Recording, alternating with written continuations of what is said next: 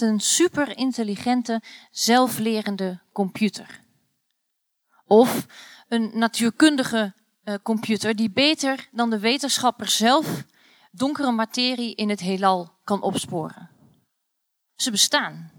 En ook al begrijpen we de techniek erachter niet, we kunnen ons er toch wel iets bij voorstellen. Maar waarom bestaat er eigenlijk nog geen superintelligente computer die al onze vragen op het gebied van relatieproblemen oplost? En waarom leggen we eigenlijk zo'n sterke nadruk op de ontwikkeling van intelligentie? Waarom zijn we bijvoorbeeld niet bezig met het ontwikkelen van een superethische computer? Pim Hazelager, uh, filosoof en deskundige op het gebied of expert op het gebied van kunstmatige intelligentie, die gaat u daar alles over vertellen. Hij geeft zo dadelijk een lezing waarin hij uitlegt wat superintelligentie is en hoe het komt dat het op sommige terreinen wel goed toepasbaar is en op andere helemaal niet. Na zijn lezing gaat hij in gesprek onder leiding van filosoof uh, Maite John Ahi met natuurkundige Sascha Caron en dan zal het gaan over de maatschappelijke kanten van superintelligentie. Wat zijn de mogelijkheden? Wat zijn de gevaren? En kan een computer ooit meer worden dan een robot? Um, Radboud Reflex organiseert deze avond in samenwerking met het Donders Instituut. En het Donders Instituut uh, heeft dit jaar een heel bijzonder jaar. Ze vieren namelijk het 200-jarige, de 200-jarige verjaardag eh, van uh, Franciscus Donders. En dat was een van de oprichters van de neurowetenschappen. Dan rest mij om u van harte welkom te heten, om u een hele fijne avond te wensen. Mijn naam is Lisbeth Jansen, ik ben programmamaker bij Radboud Reflex. Ik geef heel graag het woord aan Pim Hazelager.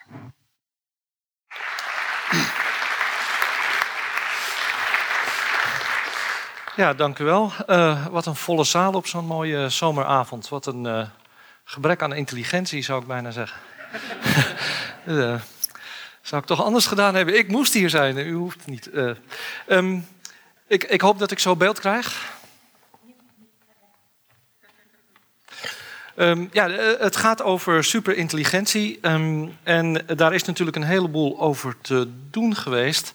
Uh, zeker sinds een paar jaar geleden een boek verscheen van Nick Bostrom. We zijn er nog niet. Dat op hoog niveau eigenlijk indringend is bediscussieerd. En ik praat regelmatig over kunstmatige intelligentie, verschillende thema's daarachter. Uh, en ik merk dat daar elke keer in uh, vragenuurtjes of in gesprekken na afloop bij de koffie of het bier en dergelijke toch weer steeds vragen over komen. Dus ik was heel blij dat we nu weer een, een nieuwe gelegenheid hebben om dat thema onder de aandacht te brengen. En daar, laten we zeggen, de, de interessante en misschien de wat minder interessante of minder relevante, om niet te zeggen hyperige kanten ook van in kaart te brengen. Ik, ik ga nou van mijn best doen. het begrip superintelligence duikt op in allerhande boeken. het wordt veel besproken ook onder kunstmatige intelligentie studenten is het een thema dat regelmatig langskomt. Maar het is natuurlijk helemaal niet nieuw. We hebben eigenlijk al in de hele geschiedenis uh, boeken gezien over artificiële wezens, systemen die wij maken, die dan op een gegeven moment op de een of andere manier slimmer of sterker of allebei worden dan wij, die zichzelf gaan ontdekken, een gevoel krijgen van bestaan dan vervolgens ontzien als een uh, uh, hindernis, een belemmering of iets wat vernietigd moet worden. En als we dan mazzel hebben, dan houden ze ons als batterijen, zoals in de Matrix. Ik weet niet of u die scène zich nog herinnert dat je in zo'n konkonnetje zit, omdat je blijkbaar energie produceert en dergelijke. En dat is een soort van nachtmerriescenario. En ik, ik zie dat wel eens als onze favoriete nachtmerrie. En om heel eerlijk te zijn, ik ben filosoof, psycholoog, ik werk bij kunstmatige intelligentie in het Donders Instituut. En ik word natuurlijk geacht, omdat ik hier vaak over praat, ook al die films te zien. En ik kan er bijna niet meer naar kijken, want je kunt er donder op zeggen of ergens in de film ontstaat er dat moment waarop het kunstmatig intelligente systeem opeens denkt van wacht eventjes, ik ben er ook nog. En vanaf dat moment moet iedereen hollen en vliegen en allerlei explosies ontduiken om uh, nog overeind te blijven. Dat, dat heeft iets geforceerd. Maar, maar op de een of andere manier zijn we daar zo door gefascineerd dat we dat probleem eigenlijk ook een beetje opzoeken. En ik denk soms, dat zal aan het einde hopelijk wat duidelijker worden, dat dat uh, probleem opzoeken uh, misschien wel ten koste gaat van alert blijven op andere problemen die misschien wel iets urgenter zijn. Nou, dat is een beetje in het kort het programma. Laten we snel beginnen. Um, ja, rekenkracht is natuurlijk enorm toegenomen. En het ziet er naar uit dat dat nog wel even toeneemt. Uh, dus van machines die niet konden denken, Caution, this machine has no brain, use your own.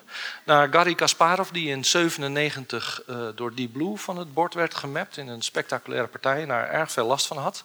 En ik met hem, ik ben zelf ook een heel uh, fanatiek schaker. Ik was al jaren eerder natuurlijk door computers van het bord gemapt, dus ik begon er al niet meer aan. Nu speelt er helemaal niemand meer tegen, dat heeft totaal geen zin meer. Uh, het is nu wel zo dat als grootmeesters een partij analyseren, de eerste vraag die altijd gesteld wordt is: wat zegt de computer? Dus zelfs onze eigen analyse van partijen zijn we langzaam maar zeker aan het uitbesteden aan dit soort machines. Uh, Jeopardy, een soort van uh, eh, 2 voor 12 op Amerikaanse leest geschoeid uh, quiz. Waar mensen erg goed in bleken te zijn en daar miljonair door zijn geworden. Daar was op een gegeven moment IBM, die had een computationeel systeem ontwikkeld. Die heel snel uh, informatie kon uh, combineren en antwoorden kon geven op toch vrij lastige vragen. En de mensen waren gewoon kansloos. Konden geen, geen, geen quiz meer winnen eigenlijk. Het machine uh, pakte ze in met boter en suiker. En dan heel recentelijk natuurlijk Go. Een spel dat vele orden van complexiteit ingewikkelder is dan schaken. En ook daarvoor geldt dat de beste spelers van de wereld kansloos werden verslagen door AlphaGo. En uh, nog geen jaar later was er een ander systeem. Hè. AlphaGo had nog geleerd op basis van menselijke feedback. Dus die kreeg in het begin in zijn leerproces van mensen te horen wat goede en wat slechte zetten waren. Was daardoor in staat al om menselijke Go-spelers te verslaan, de beste ter wereld. Maar later kwam er een ander programma dat zonder menselijke feedback, dus gewoon helemaal op eigen houtje, uh, dat andere programma dat de mensen versloeg met 100-0 uh, in de pan hakte. Dus het gaat wel hard. En ik geloof dat datzelfde programma in vier, uur ook nog even schaken had geleerd. En daarna de, de, de wereldkampioen schaken van computers versloeg. Dus we zitten nu in een fase niet alleen dat wij systemen kunnen maken die heel erg intelligent zijn en ons verslaan op een bepaald gebied. Maar we zitten nu in een fase waarin systemen, door ons nog steeds in staat gesteld om te leren, zichzelf vervolgens kunnen bekwamen zonder onze hulp of onze feedback erbij. En dat brengt superintelligentie natuurlijk toch wel dichtbij. Eigenlijk hebben we het al. Nou is de geschiedenis van kunstmatige intelligentie er een van, um, als ik het even simpel mag zeggen, oplichting en bedrog. Wij hebben uh, heel vaak in het verleden, vanaf de jaren 60, uh, voorspellingen gedaan over wat wij allemaal zouden kunnen met kunstmatige intelligentie, met computers. En dat is eigenlijk nooit uitgekomen. En ik was dan zelf ook wel een beetje sceptisch eigenlijk over de vooruitgang die zich een beetje leek aan te dienen uh, in de laatste tien jaar. Ik dacht, daar gaan we weer. Weer een nieuwe belofte. Deep learning networks, uh, self-learning machines en dergelijke. Uh, neurale netwerken uit de jaren tachtig in detail naar gekeken. Wat is eigenlijk het nieuwe en waarom zou het nu wel lukken? Ik ben inmiddels wel een beetje overtuigd dat het nu echt gaat lukken. En de, de, de, de beste verklaring die ik daarvoor heb kunnen vinden is dat we ons inmiddels uh, bevinden op de tweede helft van het schaakbord. U kent waarschijnlijk die parabel van uh, de uitvinder van het schaken. Die door een dankbare koning werd beloond en die mocht kiezen wat hij wou. En die uh, koning was niet zo slim, die uitvinder wel. En die zei van nou, doe mij gewoon twee tot de ende graankorrels op elk veld. Dus op het eerste is het 2 tot 0, dat is één graankorrel. Dan 2 tot de eerste, dat is 2. Dan 2 tot de tweede, dat is 4. Dan 2 tot derde, het tweede, acht. En elke keer wordt het verdubbeld. En heel lang lijkt het eigenlijk alsof dat niet zo opschiet. Maar dan op een gegeven moment kom je op de tweede helft van het schaakbord en dan gaat die verdubbeling opeens pijn doen. Dus ergens hier werd dan ook het hoofd van die uitvinder afgehakt door de koning. Die begon door te krijgen dat dit uh, niet goed ging aflopen. Uh, en dat, dat heeft iets te maken met de, de, de, exponentiële groei. U kunt deze getalletjes niet lezen, maar dit is iemand die dat heeft helemaal uitgewerkt. Die heeft dit proberen te illustreren met een schaakbord. Dus dit zijn de kolommen graankorrels die je krijgt. Dan heb je hier ergens de Eiffeltoren. Dan zit je nog steeds op rij 3 pas. Dit is de hoogste berg. Dan op een gegeven moment, als je die helft oversteekt, gaat het echt heel hard. Dan zit je bij de maan en de zon en dan de surveyor die, ik weet niet hoe lang geleden, dat is nu het verst in het universum zich bevindende object. Dat, past, dat is ongeveer de grootte van de stapel graankorrels. Zo hard gaat het.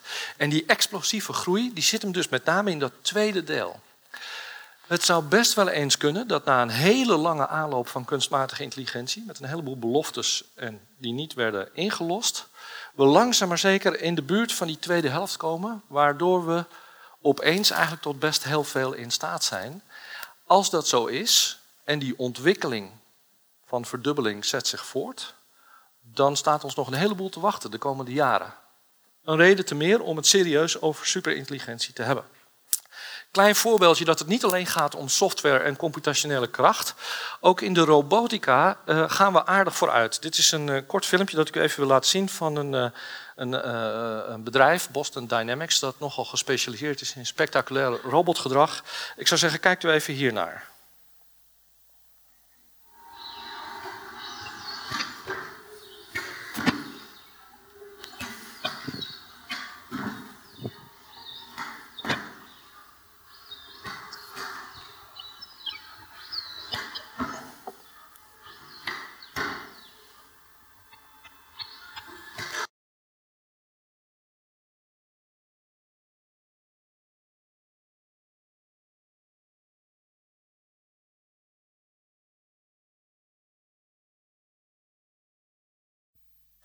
Er komt nog een stukje. Blijf kijken.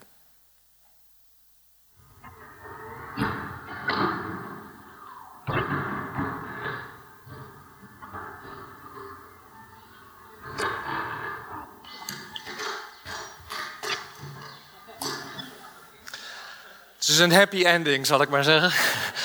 Het gaat niet altijd goed.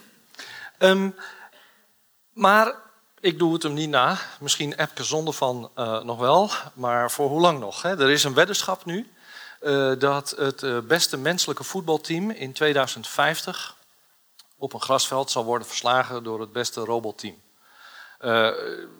u kunt van mening verschillen over of dat gaat gebeuren of niet. Met schaken hebben we ook zo'n soort van weddenschap gehad. En dat heeft iets langer geduurd dan gedacht werd. Maar uiteindelijk hebben de computertypes wel gewonnen. En misschien dat dat met voetbal dus ook gaat gebeuren. Um, nu over naar de software. Om u, dit, de technieken zijn zwaar wiskundig. Gelukkig hebben we een natuurkundige in de zaal straks die het allemaal nog aan detail kan uitleggen. Ik probeer u alleen maar even te schetsen hoe het ongeveer werkt. Uh, de meest recente spectaculaire toepassingen komen door deep learning, door diep leren. Dat zijn netwerken gebaseerd eigenlijk op kennis van het menselijk brein. En om dat heel kort even uit te leggen, dit is een neuron, of dit zijn drie neuronen. Dat zijn hersencellen en die vormen als het ware ketens van activiteitsdoorgave. Het is een beetje als dat ik iets roep tegen iemand en die roept dan weer iets naar de buurman en de buurman roept dan weer naar de buurvrouw daarachter. En we zeggen niet per se iets betekenisvols, tenminste niet in een taal die we op dit moment kunnen begrijpen. Maar ze vertellen elkaar gewoon hoe actief ze zijn. En onder invloed van al het geluid dat ze horen, bepalen ze vervolgens zelf weer hoe actief ze gaan worden. Nou, die neuronen die liggen georganiseerd in bepaalde lagen, dat noemen we columns. Dus de, de cortex, de, de buitenste hersenlaag van het menselijk brein, bestaat uit ongeveer vijf lagen neuronen.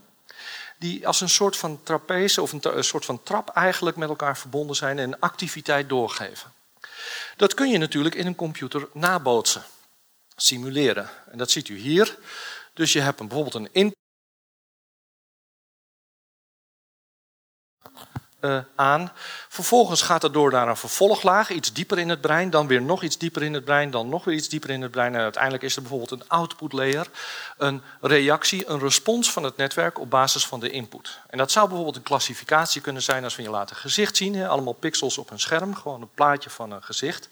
En dan is de output op een gegeven moment, dit is een mannengezicht of een vrouwengezicht, of een transgender, of een uh, neutraal, of wat alle keuzemogelijkheden maar zijn. Dat is een beetje de achterliggende gedachte. Als zo'n netwerk leert, dan maakt hij in het begin fouten. Je dan kan hij op een gegeven moment ook zelf mee aan de slag. En onder invloed daarvan gaat hij die verbindingen een beetje bijstellen. Dus dan gaat het ene neuron iets minder hard schreeuwen naar het andere en het andere juist ietsje harder. Simpeler dan dit kan ik het niet maken. Het is een, een, een heel neuronaal, een heel menselijk brein geïnspireerd proces, ondergebracht in een computer. Maar een computer heeft natuurlijk grote voordelen boven een mens, omdat bijvoorbeeld de hoeveelheid ruimte voor dit soort lagen van neuronen onbeperkt is. Wij lopen op een gegeven moment aan tegen de beperking van onze schedel. Er past op een gegeven moment gewoon niet meer in. Ook is er een soort van biologische versnelheid, uh, verwerkingssnelheid die, die geëvolueerd is, die je niet snel meer bijstuurt. Met computers heb je van die beperkingen geen last. Dus je kunt als het ware grotere hersens maken, betere principes implementeren, sneller die informatie doorgeven. En dat creëert de mogelijkheid tot superintelligentie. Er is een interessant voorbeeld waar ik u straks een filmpje van laat zien. Dat duurt ongeveer anderhalve minuut. Waarin een van de belangrijkste onderzoekers op dit gebied, Demis Hassabis, werkt nu bij Google, DeepMind. Uh, Atari Games, misschien sommigen van u herinneren zich die computers nog uit de jaren 80. Die hadden de eerste computerspelletjes, die speelde je bij voorkeur op een Atari, uh, want daar kon je dan uh, best redelijk mee spelen. En dan had je een speltoestand, dat vormde de input. Je had bepaald gedrag van uh, bijvoorbeeld een, een, een, soort van uh, schieter. En die kon dan kogels afvuren, waardoor uh, dit soort wezentjes dan van het scherm verdwenen. En dan werd je niet zelf gedood. En die kon je heen en weer bewegen, naar rechts of naar links, of schieten terwijl je bewoog. En dan onder invloed van je gedrag kreeg je een bepaalde score. Nou, dat is natuurlijk je feedback. Dus onder invloed leert zo'n netwerk dat spel spelen. En ik laat u nu even zien hoe Demis Hassabis uitlegt en demonstreert dat wat die systemen leren. Dit is Engelstalig, maar ik neem aan dat de beelden voor zich spreken. So I'm just going to run this video now. This is a one minute video. This is Space Invaders, the most iconic game probably um, on Atari. And this first minute, this is before the first time the AI has ever seen this data stream. So don't forget, it doesn't know what it's playing, it doesn't know what it's controlling. And you can see it's actually losing its three lives. It's controlling the rocket here at the bottom of the screen and it's losing its three lives immediately because it doesn't know what it's doing. But after you leave it playing overnight on a single GPU machine, you come back the next day, and now it's superhuman at the game. It's learnt for itself through experience how to play. So you can see now every single shot it fires hits something. Um, it can't be killed anymore. It's worked out that the pink mothership that comes across the top of the screen in a second is worth the most number of points. Um, it does these amazingly accurate shots to do that. And you can, if those of you remember Space Invaders, as there's less of them on the screen, they go faster. And just watch the last shot um, that it does, the, the rocket does. This is predictive shot for, to, to hit the last Space Invader. So you can see how um, perfectly it sort of modeled the, uh, the, the, the, game world and that data stream. Um, so accurately it can predict ahead of time what is going to happen, just from the pixels on the screen. So this is a second video. It's my favorite video, actually. So this is a game of Breakout. And there's more gradations here of the agent getting better, the system getting better. So this is after 100 games. So just 100 games. And you can see, again here, the system is pretty terrible, but you can probably convince yourself that maybe it's starting to get the hang of the fact that it should move the bat towards the ball.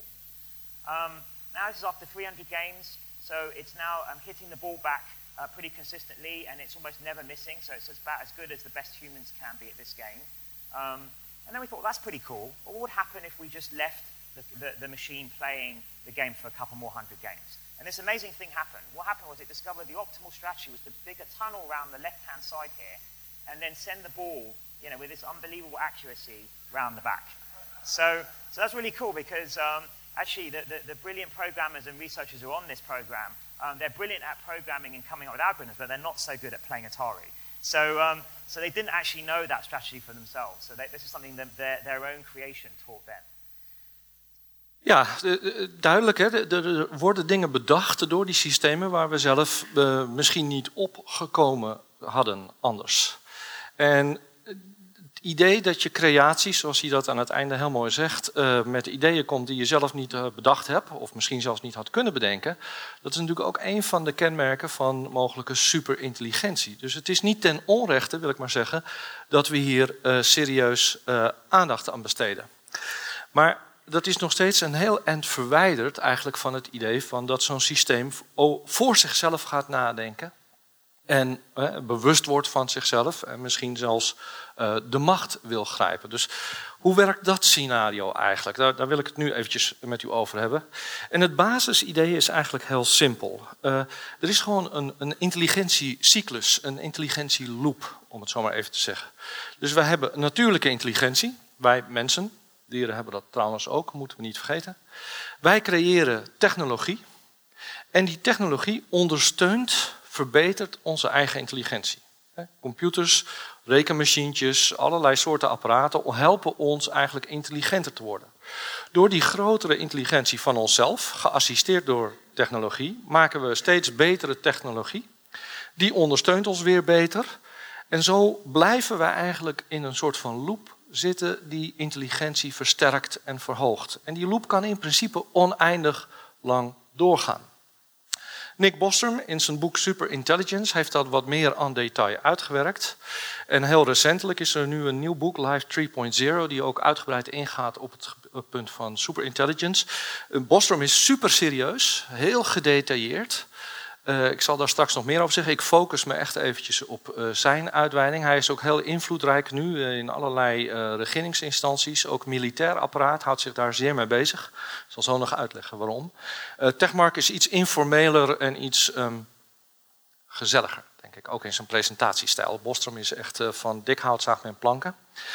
Maar zijn basisidee is eigenlijk heel simpel. We zitten met intelligentie, onze artificiële intelligentie, eigenlijk op een bepaald niveau Waar we precies zitten, dat weten we eigenlijk niet, maar duidelijk nog onder het menselijk niveau. Ook al zijn ze op deelgebieden stukken beter dan wij, zoals met schaken en met go, in zijn algemeenheid verslaan wij ze nog echt met gemak, omdat we veel breder zijn qua toepassingsgebied van onze intelligentie. Wat we noemen narrow intelligence, kunstmatige intelligentie, heel erg gespecialiseerd in hele specifieke gebiedjes. Dat kunnen ze dan supergoed, maar daarnaast kunnen ze uh, helemaal niks. Maar onder invloed van die cyclus worden ze steeds beter, totdat ze op een gegeven moment ongeveer zo intelligent worden als de mens in zijn algemeenheid. Dan gaan ze zichzelf steeds meer ontwikkelen. Dus in die cyclus worden wij eigenlijk steeds meer overbodig. Net zoals AlphaGo Zero zichzelf helemaal leerde, hebben die machines op een gegeven moment geen mensen meer nodig om zichzelf te verbeteren. Dat wordt een crossover point genoemd op het moment dat ze echt uh, zichzelf kunnen gaan verbeteren zonder onze hulp. Zodat ze dan vrij snel daarna misschien uh, slimmer worden dan alle mensen gezamenlijk. Dus ze verslaan onze hele menselijke civilisatie. En op een gegeven moment zijn ze zo intelligent dat wij er eigenlijk helemaal niets meer van kunnen begrijpen. Dan zijn ze super intelligent. Ze, ze, ze zijn voor ons dan echt onnavolgbaar geworden. Niet alleen in Atari-games, maar eigenlijk op alle mogelijke gebieden. Dat is ongeveer de, de, de, het verloop zoals eh, Bostrom dat schetst. Nou, wanneer gaat dat gebeuren? Er is een uh, onderzoek geweest, een tijdje terug, een paar jaar geleden, naar wanneer experts in de AI dachten dat het menselijk niveau gepasseerd zou worden. Of gehaald zou worden. Ongeveer 10% dacht 2022. De aardsoptimisten, of pessimisten, zo u wil. 2040 eh, dacht ongeveer de helft. En 90% dacht dat het nog wel even kon duren, maar toch wel deze eeuw, 2075. Nou is toekomst voorspellen heel erg moeilijk. Ook voor AI-experts, die weten over het algemeen ook niet wat ze morgen gaan doen. Dus, dus 2025 is nog een heel eind weg. Maar het is toch opmerkelijk dat 2075, deze eeuw, dat niveau misschien gehaald uh, gaat worden. Dat dat toch de meerderheid, de ruime meerderheid van AI-experts denkt. Ja, en wat wordt het dan voor superintelligentie? Wordt het dan een soort uh, van. Ja, ik weet niet of ik dit nou sympathiek moet noemen, maar, maar, maar, maar, maar toch in elk geval een beetje mensachtige superintelligentie die misschien het beste met ons voor heeft. Zo'n beetje, beetje kinderen opvoedt en zo. Wees toch niet zo lastig, luister toch naar papa. Je ziet, ik zie hier wel een lichte religieuze overtoon ook in, in deze uh, illustratie. Uh, of wordt het een hele nare Arnold Schwarzenegger die op zijn motor achter ons aankomt om ons zo snel mogelijk van kant te maken? Ik weet niet of u zich de Terminator nog kan herinneren. daarin was hij toch redelijk effectief als uh, robotje, zal ik maar even zeggen. Met andere woorden, gaat het de goede kant op of de slechte kant op? Dat weten we eigenlijk niet. Um, het punt van omslag is ook wel eens singulariteit genoemd.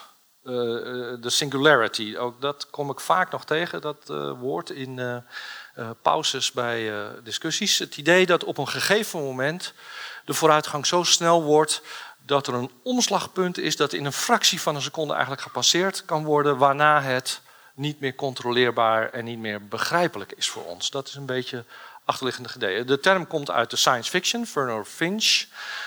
Moravec, een belangrijke futuroloog op het gebied van AI in de jaren 90, heeft wel eens gezegd van dat is misschien eigenlijk maar goed ook. Ik uh, beschouw deze machines als onze afstammelingen.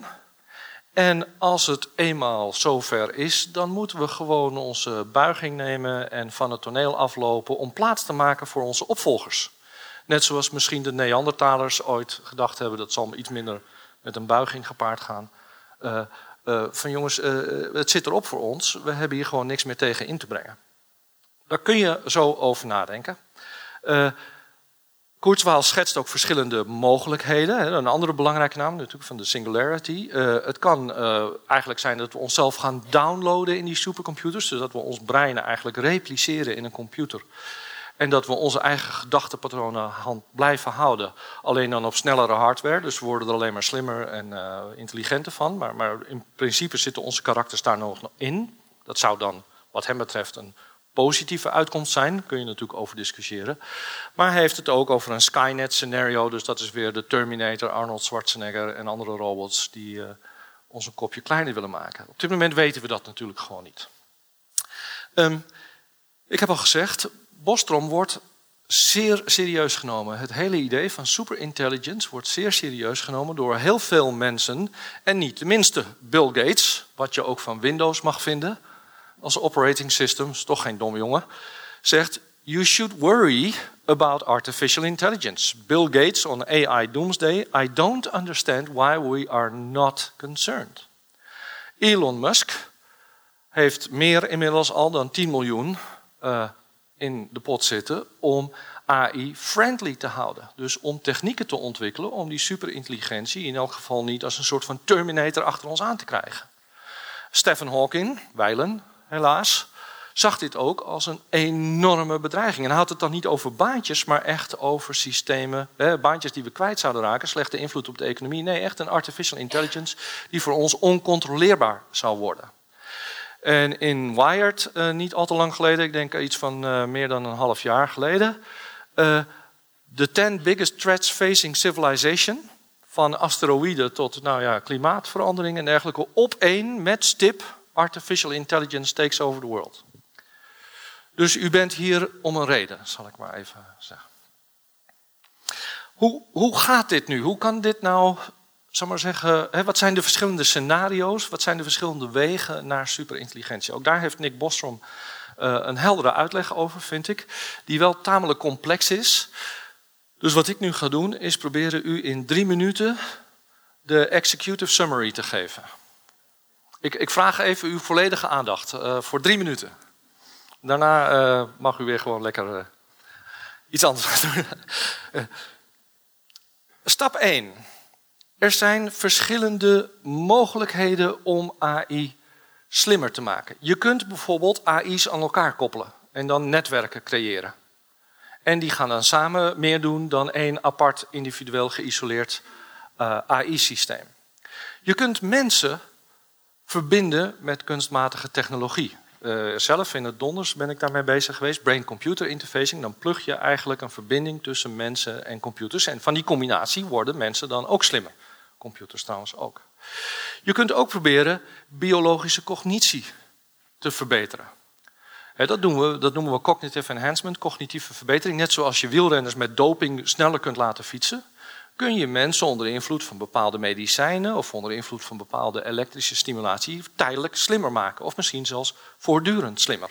dus dan breng je elektroden in bijvoorbeeld en noemen we hersenstimulatie. En dan zie je bepaalde cognitieve wijzigingen, soms ten goede. Dat kan ook. Je kunt dus ook brain, hersens nabootsen in een computer. Dat noemen we brain emulation. Dus dan draag je eigenlijk al mijn informatieverwerkingsprocessen over op een supercomputer.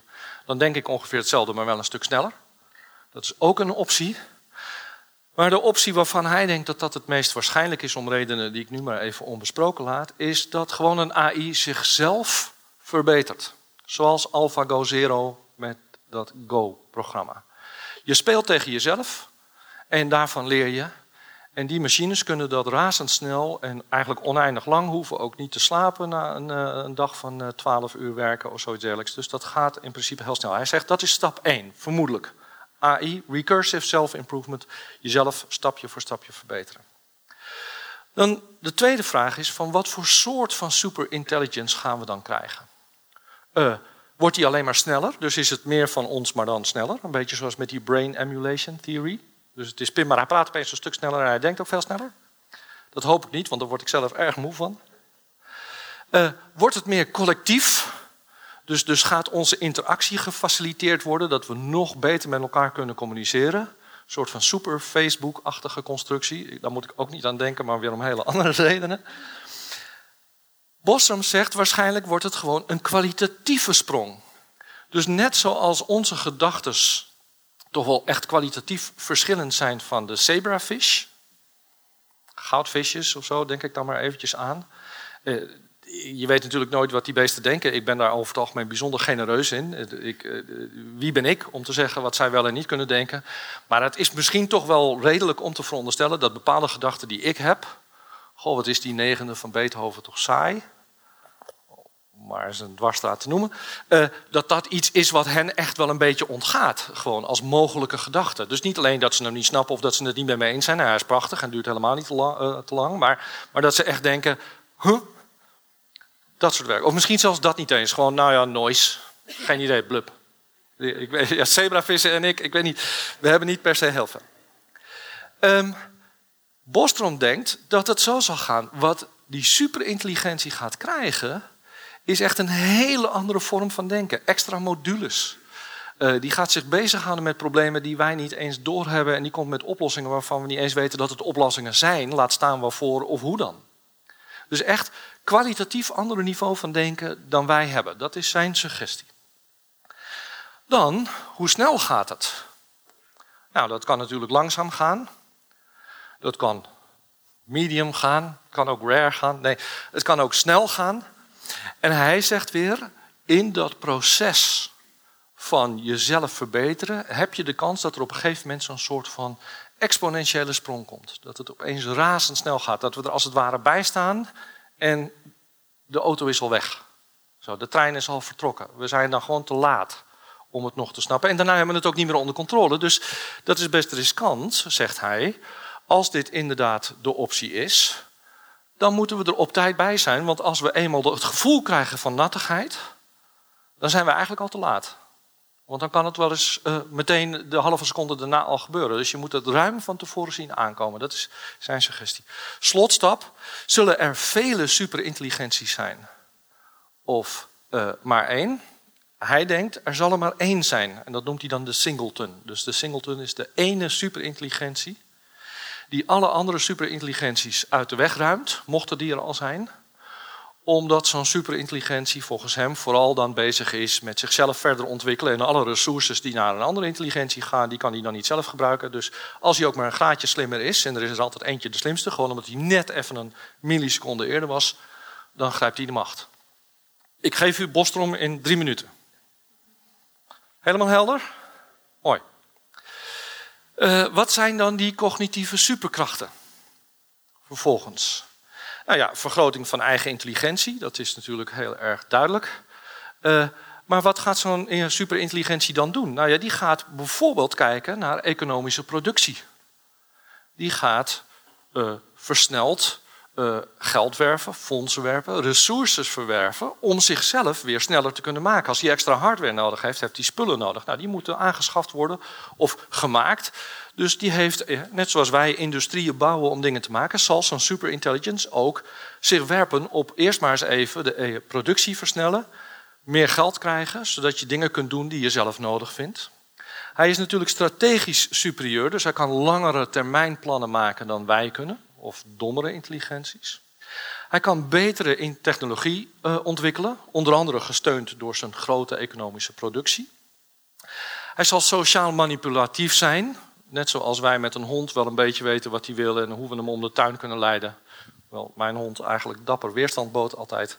Uh, zal zo'n systeem eigenlijk ons kunnen voorspellen, omdat hij ook sociaal veel intelligenter is, hè, veel vaardiger is. Dus hij kan ons om de tuin leiden. Hij kan ons eigenlijk uh, voor zorgen dat we hem gaan helpen.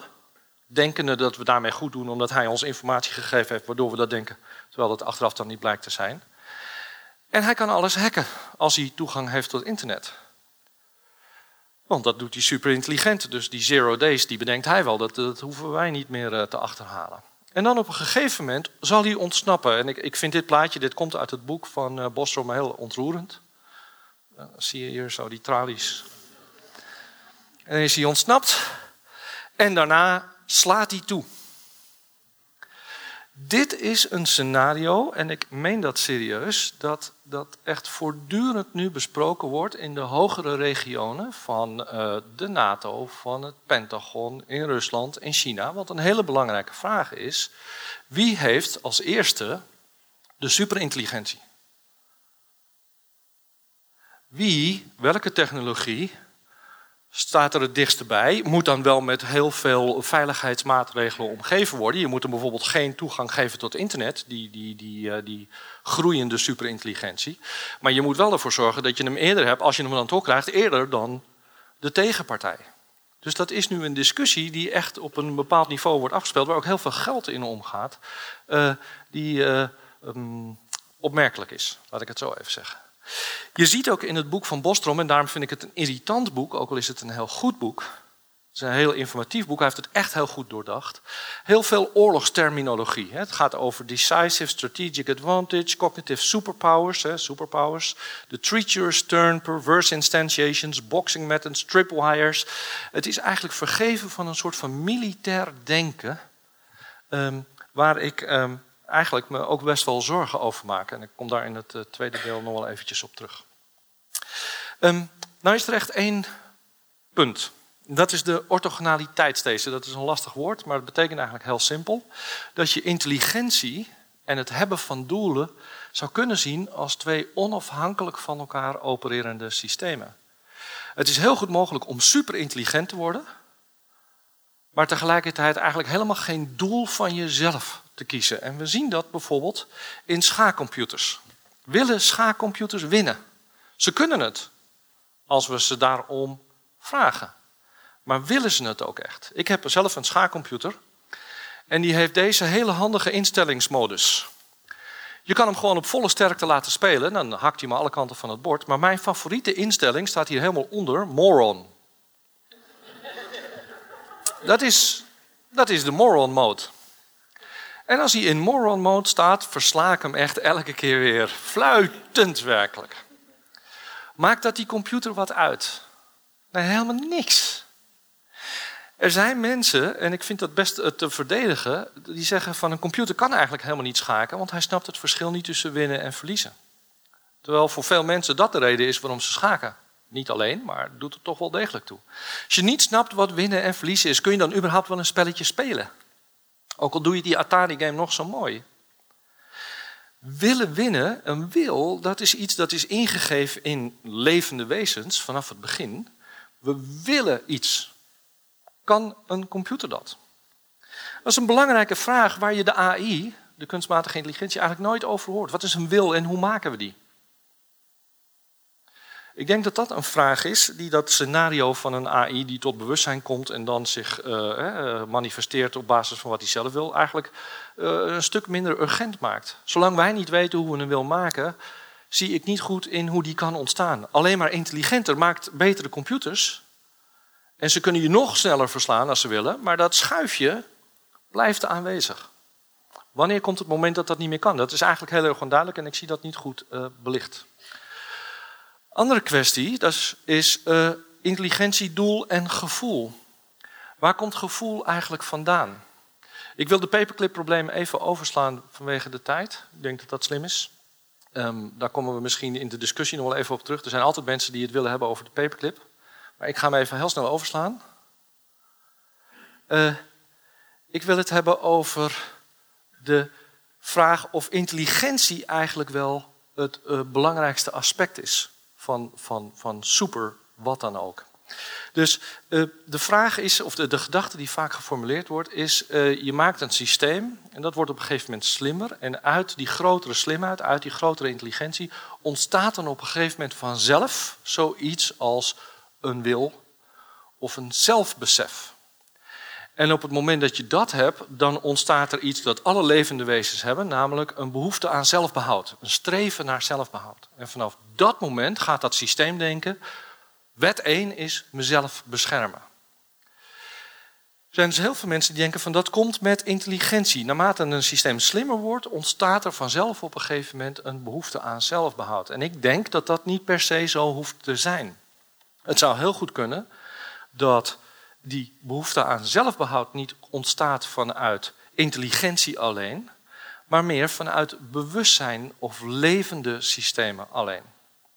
Dat er iets is van een besef van aanwezigheid, en dat kan heel eenvoudig zijn, zoals bij een zebravis of een goudvis, dat hoeft niet heel erg slim te zijn. Daar zit al een levenswil in, een drang tot overleven. Komt natuurlijk uit de biologie op de een of andere manier, op manieren die we nog niet helemaal begrijpen. En zolang we dat niet in onze intelligente systemen hebben, kunnen we ze intelligenter maken zolang als we willen. Maar daar ontstaat dan niet opeens die vonk uit van en nu wil ik mezelf behouden of mezelf uh, in stand houden. Dat is een, uh, een, belangrijke kwestie, denk ik, om in de gaten te houden bij die hele discussie over superintelligentie. Uit intelligentie alleen, als je die orthogonaliteitsthese hanteert, volgen niet automatisch ook doelen voor het systeem zelf. Het wordt beter in doelen opvolgen. Welke doelen?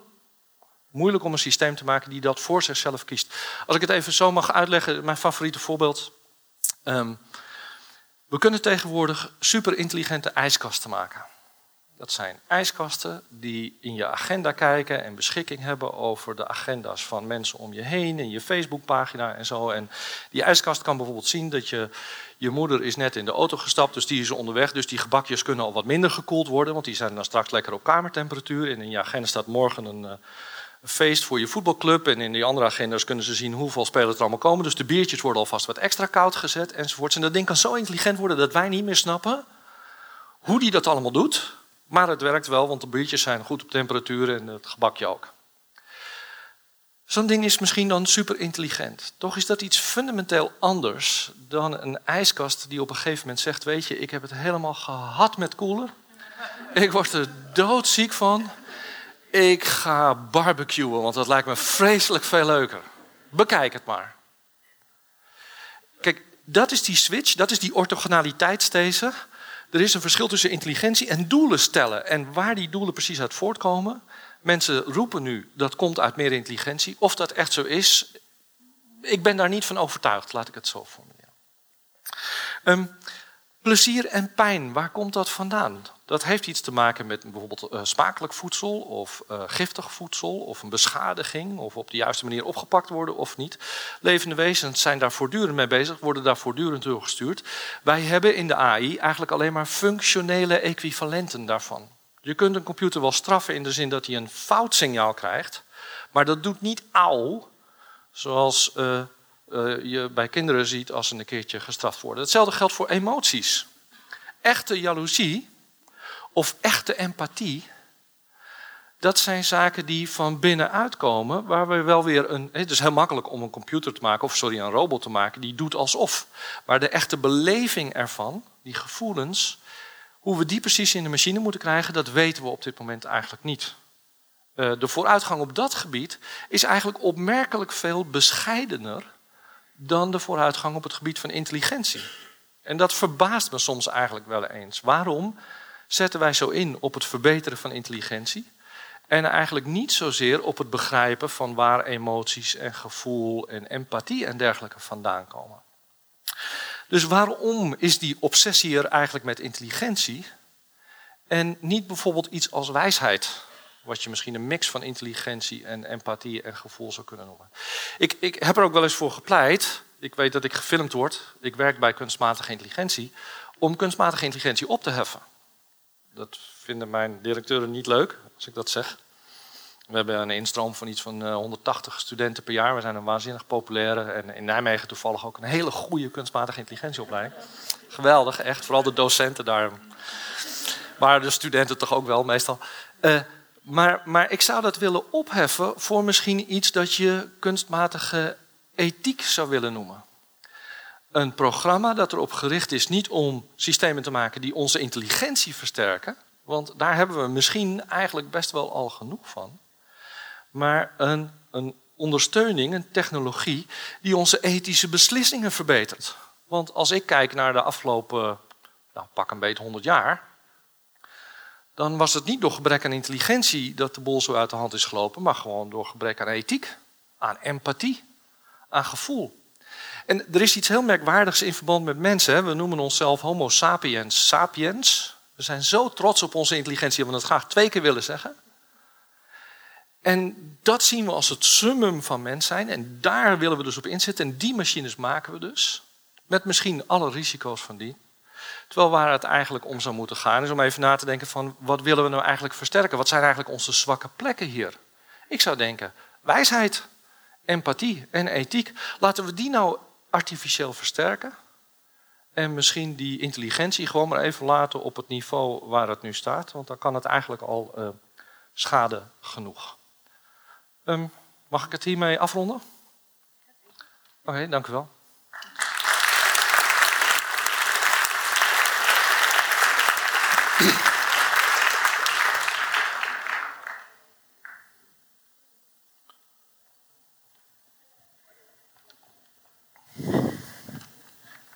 Jullie hier gaan zitten, dan zitten jullie netjes in het midden. Ja, waar je wil.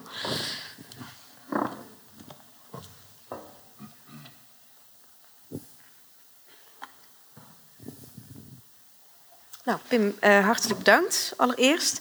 Uh, ik zat naast uh, Sascha. Voor degene die het niet weet, hij is natuurkundige aan de Radboud Universiteit. En jij doet onder andere onderzoek naar zelflerende computers op het gebied van zwarte gaten en ook bij de deeltjesversneller van CERN, als ik het goed begreep. Donkere materie. Donkere materie, sorry.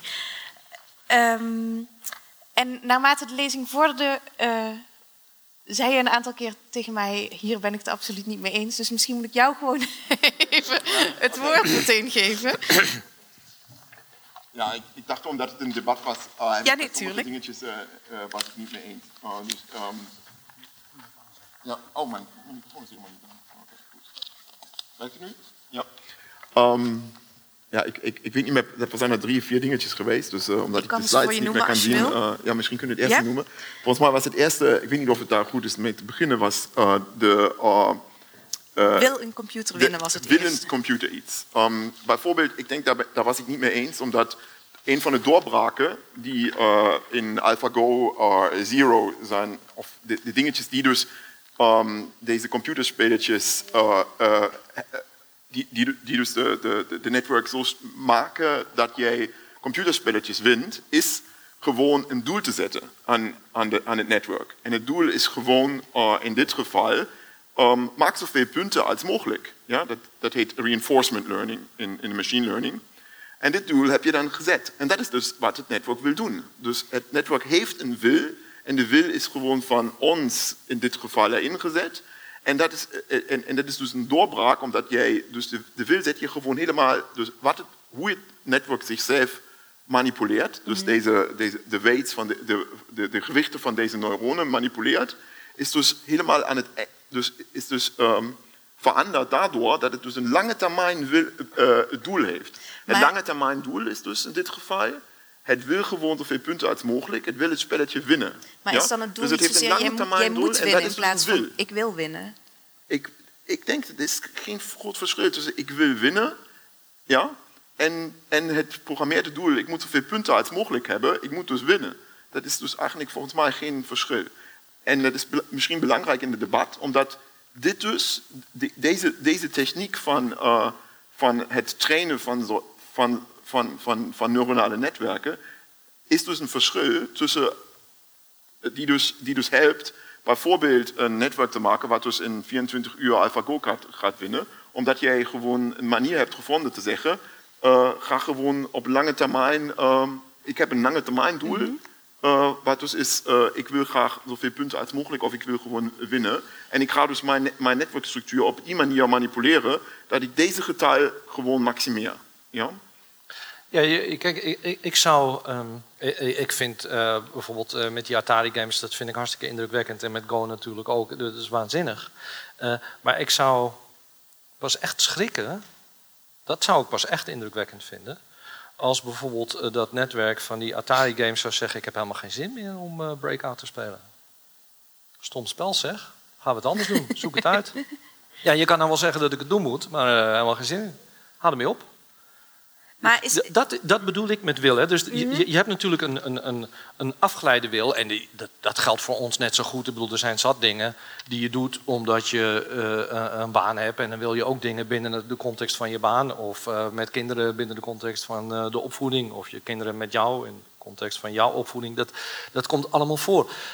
Maar er zijn momenten waarop je zegt van nee, maar wacht eventjes. Ik wil nu en ik verander ook van doelstelling. Ik ga gewoon iets anders doen. En, en waar dat vandaan komt... En dat moet natuurlijk uit te leggen zijn. Hè? Ik, ik geloof niet in een ziel of iets dergelijks. Dus dat, dat moet op de een of andere manier wetenschappelijk te verklaren zijn. Alleen constateer ik, of denk ik te kunnen constateren... dat we wetenschappelijk veel beter in staat zijn tot het modelleren van die intelligentie dan van die wil, niet in afgeleide zin, want dan is het vrij simpel. Nog steeds ingewikkeld, maar toch relatief simpel. Maar in die zin van zelfdeterminatie en zelfvormgeving en dergelijke. En zelfexpressie. En, en, en ik denk dat dat een reden heeft. Namelijk dat we op de een of andere manier die intelligentie veel intrigerender vinden. Of dat we daar economisch ook veel meer succes mee kunnen boeken. Dan hebben we slimme systemen waar valt geld mee te verdienen. Systemen die geen zin meer hebben om te doen wat je ze vertelt, zijn economisch toch minder aantrekkelijk ik zie me al met een, uh, een, een, een, ijskast die zegt: Ik hou op met koelen. Die breng ik terug naar de winkel. Ja, maar even, even, als we terugkijken naar die ijskast. Want jij gebruikt dat dan eigenlijk als voorbeeld om te zeggen: ja. we, we zijn zover nog niet. En er is een fundamenteel verschil tussen intelligentie en, en, en, en een apparaat dat gaat zeggen: Ja, ik wil, ik wil dit niet. Ja. Maar is niet juist het, het probleem of uh, het, het gevaar, om, om, om zo maar te zeggen, van die zelflerende machines, dat ze die wil en dat bewustzijn juist ontbreken. Dus kijk, het voorbeeld van die koelkast, om daarin te blijven, zou, je zou wel kunnen zeggen, die heeft misschien wel geen wil om te koelen, maar die kan op een gegeven moment wel, als hij zelflerend is, gaan denken, ik zou veel efficiënter kunnen koelen als ik uh, gewoon de thermostaat van het huis 5 graden kouder zet. En dan hoef ik minder me in te spannen. Ja. En vervolgens 10 graden kouder. En, en vervolgens de huizen in het blok en het de hele stad. Ja. Ja, ja maar, dus ik ben er wel bang voor dat wij brokken maken door ondeskundig gebruik van slimme systemen. En dat gebeurt nu al. Hè. Dus, dus we besteden steeds meer besluitvorming eigenlijk uit aan algoritmes, aan computers. Dus als u een hypotheek aanvraagt, dan, dan, is er een algoritme die de data over u verzameld heeft. Uh, en dat kan ook zijn of u vaak om drie uur s'nachts nog zit uh, te, te googlen en zo. Dat, dat kan meegenomen worden, er zijn voorbeelden van bekend. En die wegen allemaal mee bij, bij het toekennen van een bepaald krediet. Net zo uw aantrekkelijkheid als uh, datingpartner op uh, Tinder of uh, wat al niet en zo. Dat, daar zijn ook allemaal algoritmes. Dus je ziet dat mensen eigenlijk steeds meer verantwoordelijkheid uitbesteden aan computers. Maar ik denk dan, dat is toch een ander soort van gevaar. Dat is namelijk onze eigen domheid. Dat we zelf die verantwoordelijkheid uit handen geven en die transparantie niet goed bewaken dan het gevaar van die superintelligentie die de macht grijpt omdat hij of zij of het het zelf wil. En die twee scenario's moeten we goed uit elkaar houden. Denk ik. Waarom, waarom is dat zo belangrijk om die uit elkaar te houden? Misschien kun je dat nog even. Uh, want als het gevolg is dat één systeem, dat, dat uiteindelijk wat maakt het nou uit of een nou, supercomputer hebben die destructie wil... of een super ijskast die de hele wereld uh, veel te koud maakt? Waar ik dus bijvoorbeeld bang voor ben... is dat er op dit moment te weinig geld gaat... naar het uh, voorkomen van menselijke stommiteiten... in verband met de toepassing van technologie. Dus ethisch verantwoorde mm -hmm. inzet van intelligentie van kunstmatige intelligentie. Omdat er geld moet naar het ontwikkelen van een superintelligence, à la Elon Musk, hè, met 10 miljoen. En uh, er gaan veel grotere bedragen nu om in. En om die superintelligentie dan verder ook weer te vriend te houden. Dus je ziet dat wel vaker. Er wordt misschien een minder urgent probleem gecreëerd en gehyped. Waardoor geld dat je anders zou besteden aan maatschappelijk nuttige inzet van AI, uh, niet, niet, niet te besteden hebt. Dat is mijn mijn, mijn, mijn grootste reden om die twee uit elkaar te houden. Ja. Kan allebei verkeerd aflopen, begrijp me niet verkeerd. maar ik maak me meer zorgen over menselijk onverstandig handelen met technologie. En ik zou zien, liever zien dat we daar meer aandacht aan besteden en ook meer onderzoek naar doen over hoe wij ethisch tot oordelen komen, bijvoorbeeld. Maar dan wel middels technologie? Als dat op een verstandige manier kan, zou ik niet weten waarom niet. Ik bedoel, ik ben niet een, een, een, eh, een anti-techneut. Al was het alleen maar omdat ik bij KI werkte.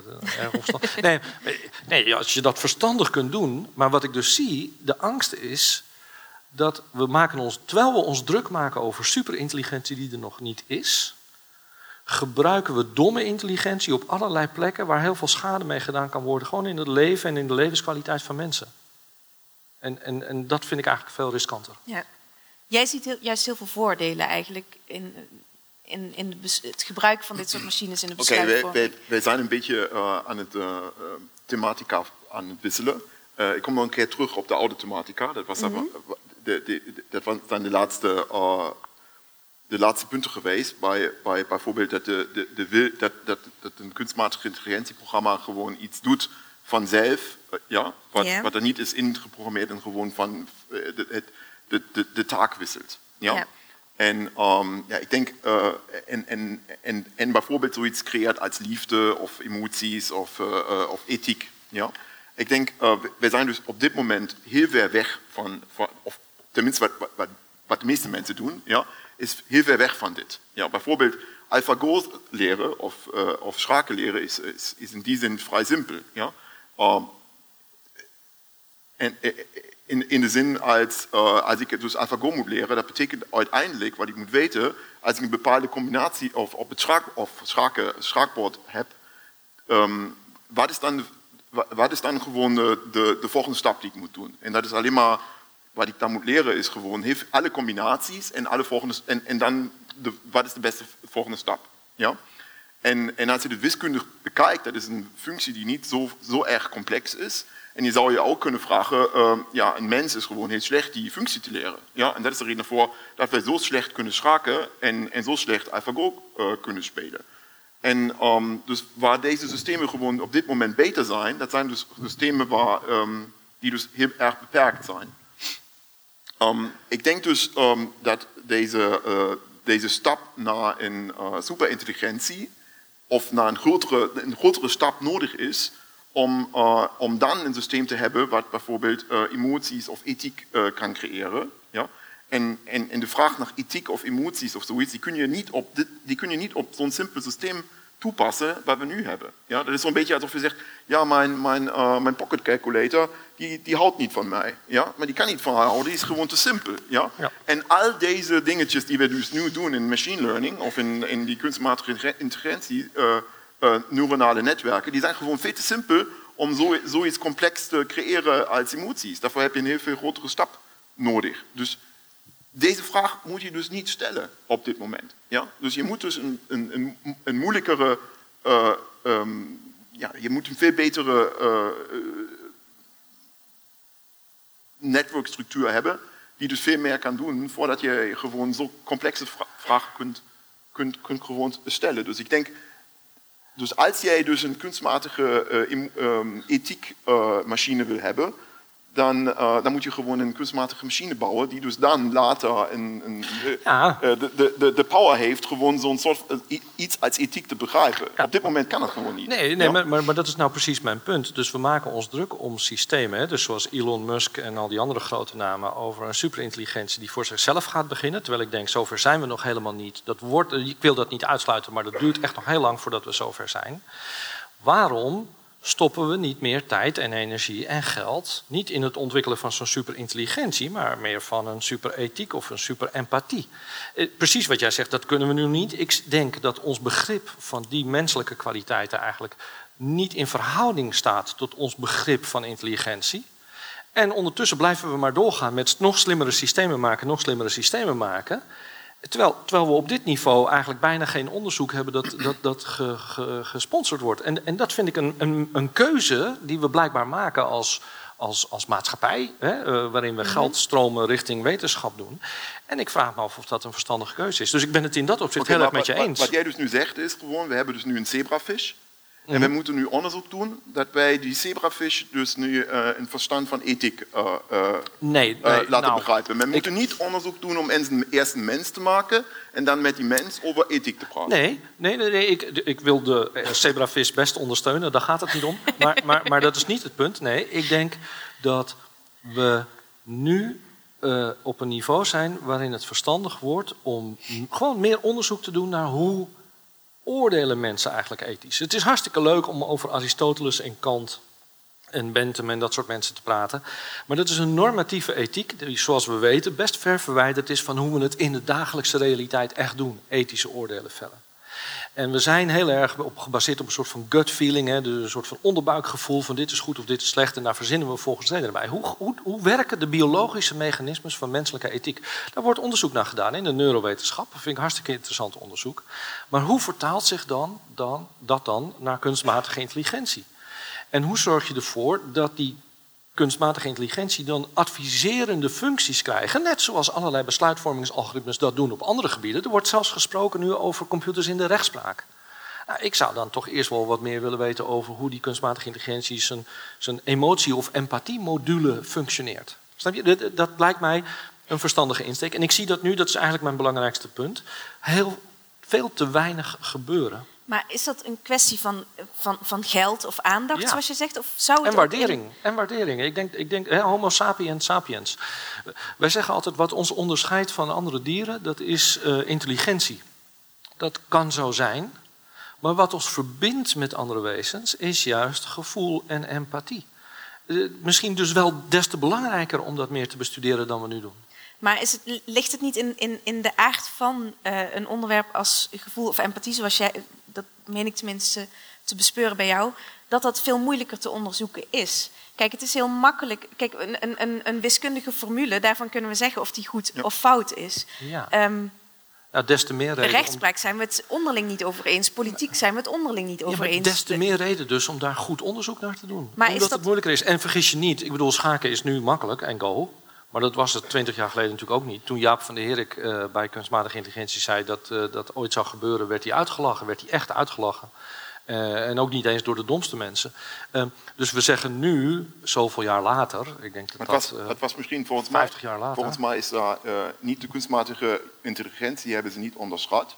Wat ze hebben, wat ze hebben gedaan is, volgens mij, ze hebben mens, de menselijke vaardigheden Go te spelen overschat. Ja, dat zou Volgens kunnen. mij. Ja. Volgens mij zijn we heel slecht in Go spelen. Ja. En dat is de reden. We zijn nog heel slecht. Als jullie zeggen, ik zeg nu eh sinus van 0,3. Weet dat iemand wat eruit komt? Ah, jullie zijn er heel slecht in, hè? simpele functie. Kunnen jullie niet. Pocket calculator kan veel beter. Ja? Je brengt het wel hard hoor. Hey.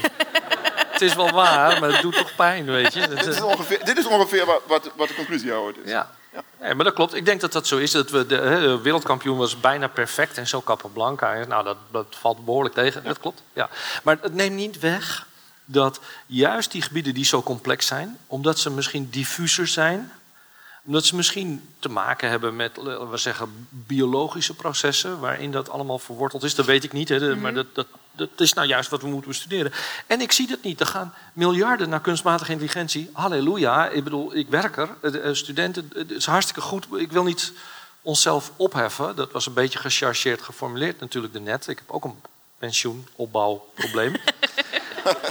maar ik verbaas me er soms gewoon over dat die andere eigenschappen zo onderbelicht zijn. En dat daar niet dezelfde hoeveelheid. En ik, ik vind die hele discussie over superintelligentie daar nou juist een heel navrant bijna voorbeeld van.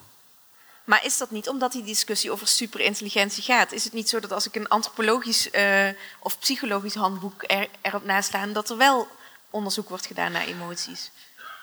Ja, maar dat is dus een teken dat we ook bij kunstmatige intelligentie, het label zegt het al, een hele beperkte focus hebben.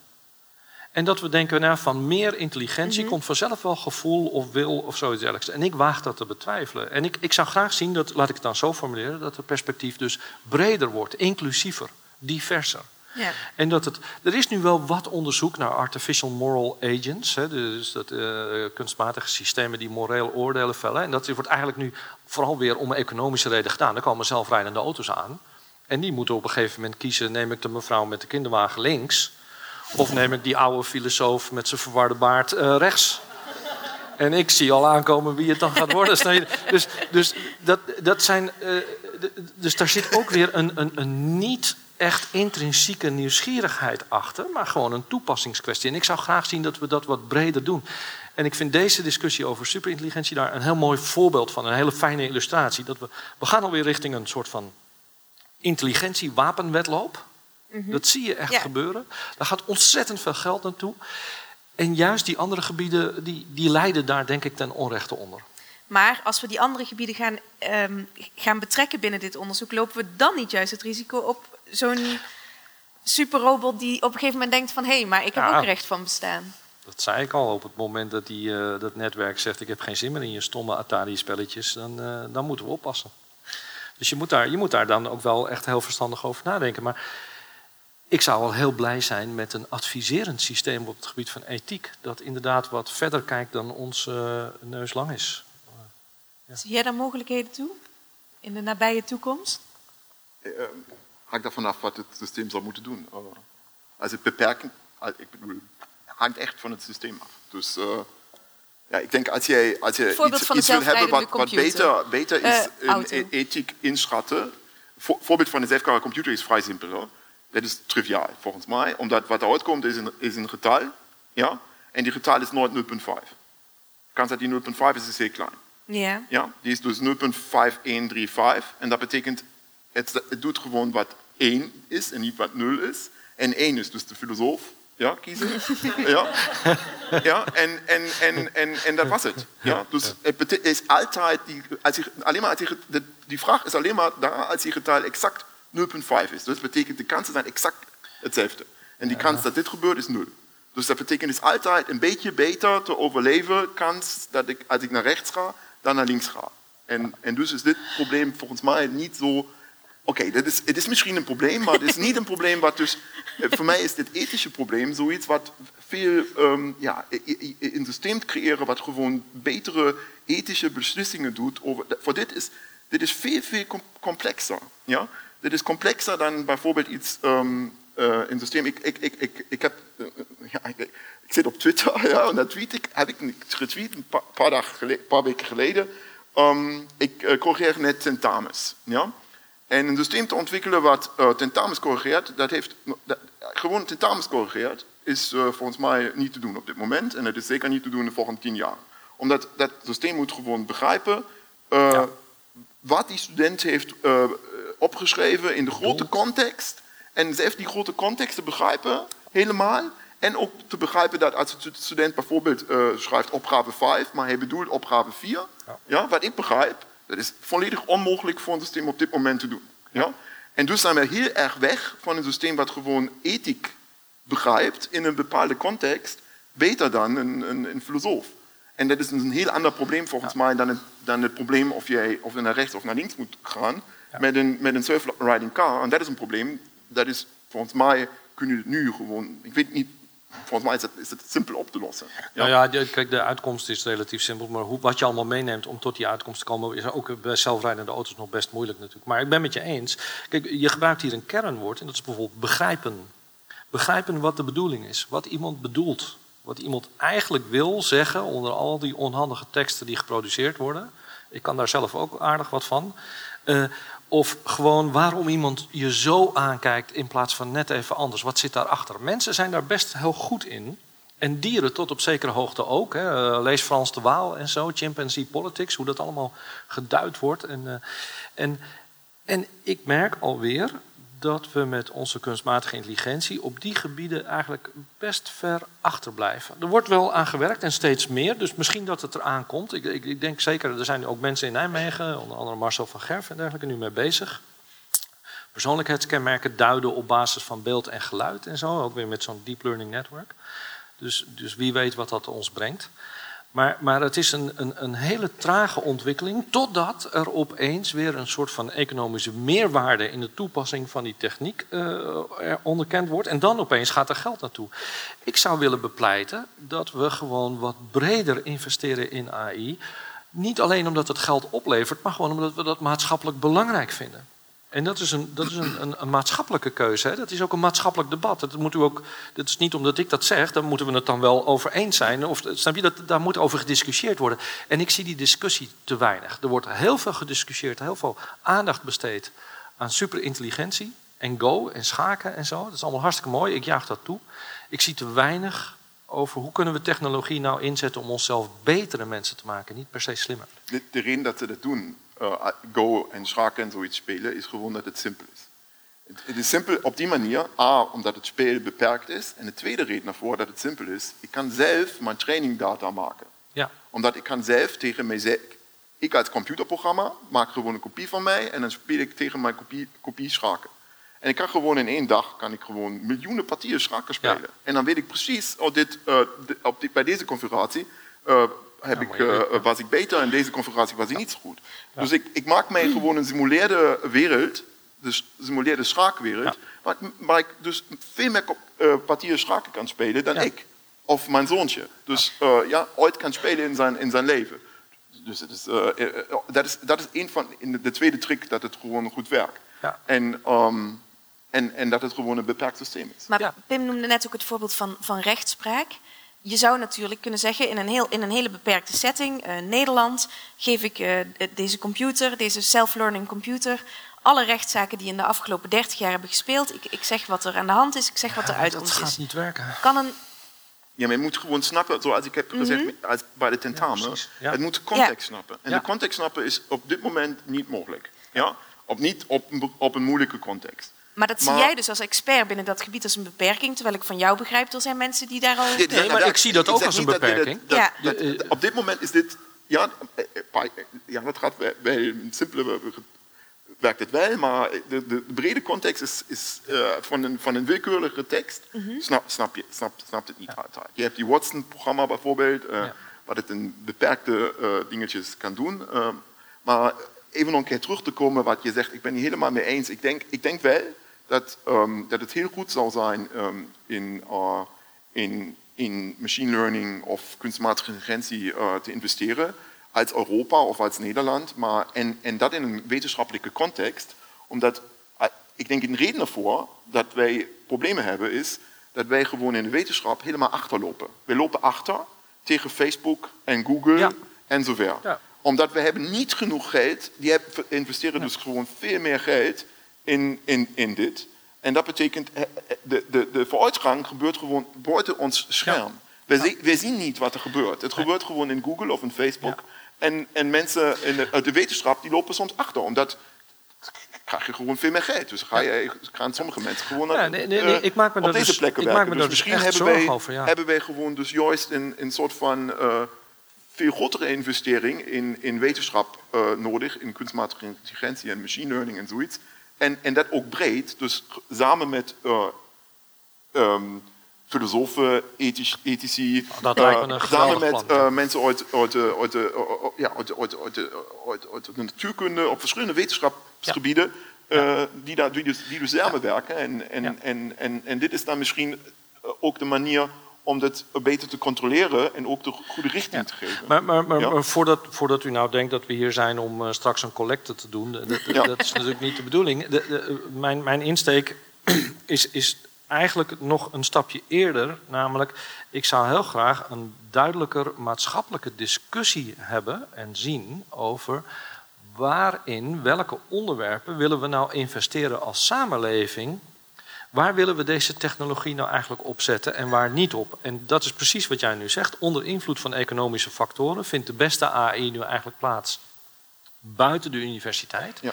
En dat wordt dan gestopt in nog betere spionagetechnieken, zodat we uw koopgedrag nog beter in kaart kunnen brengen, zodat we nog beter welke, weten op welke knopjes u gaat klikken, zodat we u nog beter leeg kunnen schudden. Dat, dat is waar KI nu eigenlijk. Er was iemand die zei: het is een, de tragiek van, van de, de huidige samenleving is dat de, de knapste koppen zich bezighouden met algoritmes die ervoor gaan zorgen dat mensen op knopje A drukken in plaats van knopje B. Dat is natuurlijk een tragiek van heb ik jou daar in het licht van alle, van alle problemen waar we mee worstelen. Ja. Ik zou dus graag zien dat we breder discussiëren. AI is inmiddels, ik denk dat dat inmiddels wel duidelijk geworden is, zo'n machtig wapen. Dat we gewoon wat nauwkeuriger discussiëren over waar we dat eigenlijk voor willen gebruiken en waar ook voor niet. En, en die discussie die mis ik eigenlijk vooral. Uh, Pim, hartelijk bedankt voor je lezing en uh, Sascha ook heel erg bedankt voor je komst. Ik moet jullie nog even op uh, twee dingen wijzen. Um, de samenvatting van deze avond die komt binnenkort op de website van Radboud Reflexes staan met ook foto's. Um, en in Lux draait in november een film, More Than Humans, die gaat over robotica en die wordt vergezeld van een film en debat. Dus als u dit interessant vond, vindt u dat misschien ook interessant om naartoe te gaan. Um, nou ja, nogmaals bedankt. U ook allemaal bedankt voor uw komst. En als u nog vragen heeft, dan kunt u misschien boven in het café uh, onder het genot van een biertje die vraag nog stellen. Bedankt.